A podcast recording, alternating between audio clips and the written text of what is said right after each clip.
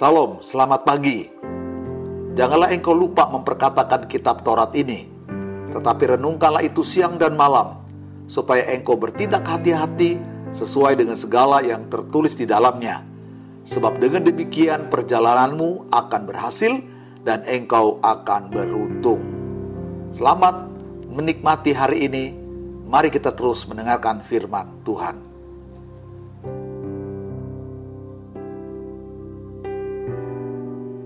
Shalom dan selamat pagi pendengar podcast yang setia. Saya pagi ini memberikan tema renungan yaitu ladit yang artinya lebih aman dihajar Tuhan. Pada tahun 2004 saya sekeluarga pernah merasakan gempa yang membuat kepanikan seisi rumah. Bahkan pada saat itu semua tetangga juga ikut keluar karena gempa yang sangat luar biasa hebatnya.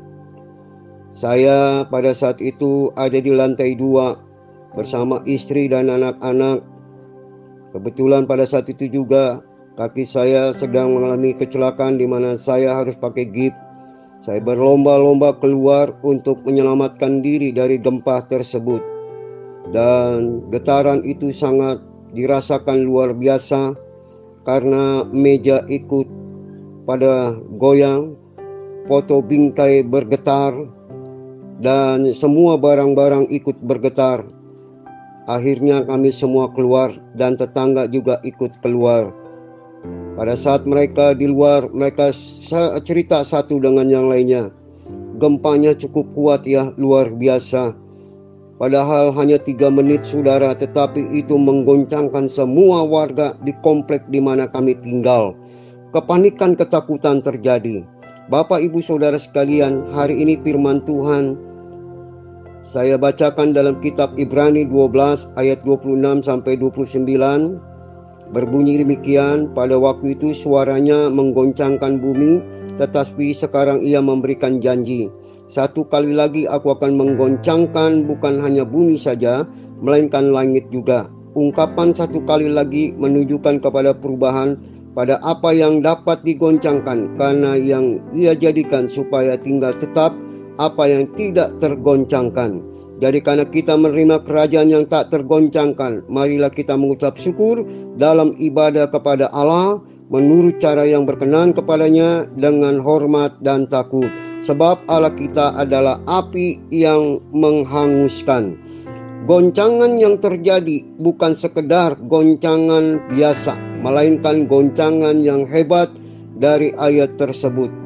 Bapak, ibu, saudara sekalian, Tuhan tidak hanya menggoncangkan bumi saja, melainkan langit pun ikut digoncangkan. Tujuan dari ayat ini adalah supaya terjadi perubahan pada apa yang dapat digoncangkan dan akan tinggal tetap apa yang tidak tergoncangkan. Siapa yang menggoncangkan dari ayat ini Bapak Ibu Saudara sekalian? Tentulah Tuhan Yesus yang membuat goncangannya. Goncangan dari Tuhan berbeda jauh dibandingkan dengan goncangan dari iblis atau musuh. Goncangan dari iblis atau musuh itu membuat semua orang percaya dia jatuh, lalu membunuh dan membinasakan seperti ayat Yohanes 10 ayat 10 berkata pencuri datang hanya untuk mencuri dan membunuh dan membinasakan aku datang supaya mereka mempunyai hidup dan mempunyai dalam segala kelimpahan goncangan dari Tuhan tentulah murni saudara. Bukan murni saja dia memurnikan iman kita saudara. Jika Tuhan yang menggoncangkan hidup kita akan aman di dalam perlindungannya.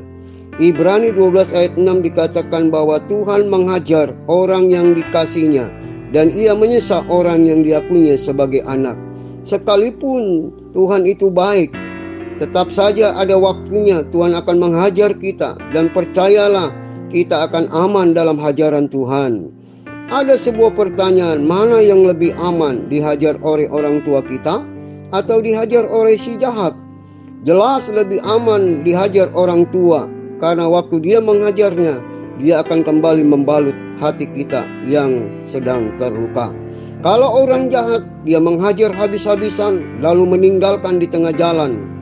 Ada kisah seorang Samaria yang baik hati dalam Lukas 10 ayat 33 sampai 37. Itu menceritakan bagaimana orang Samaria ini melihat ada orang yang terluka di tengah jalan, dia menolong dan merawatnya. Dan Bapak Ibu Saudara sekalian Raja Daud memilih dihajar Tuhan daripada dihajar manusia. Dalam 2 Samuel 24 ayat 14 berkata, Lalu berkatalah Daud kepada Gad, Sangat susah hatiku biarlah kiranya kita jatuh ke dalam tangan Tuhan, sebab besar kasih sayangnya.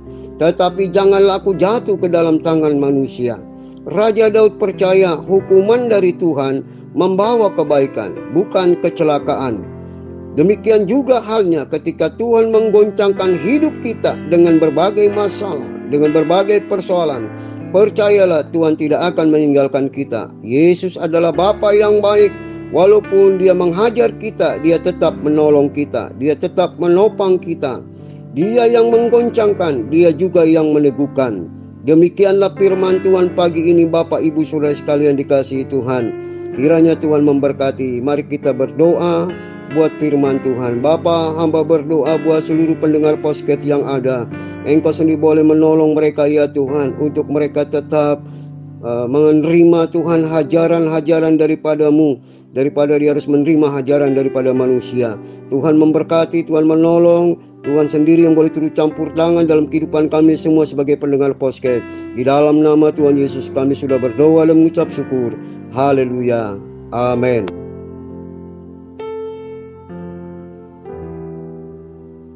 Terima kasih saudara sudah bergabung bersama keluarga besar GSJ Yesus Kristus. Sampai jumpa, Tuhan memberkati.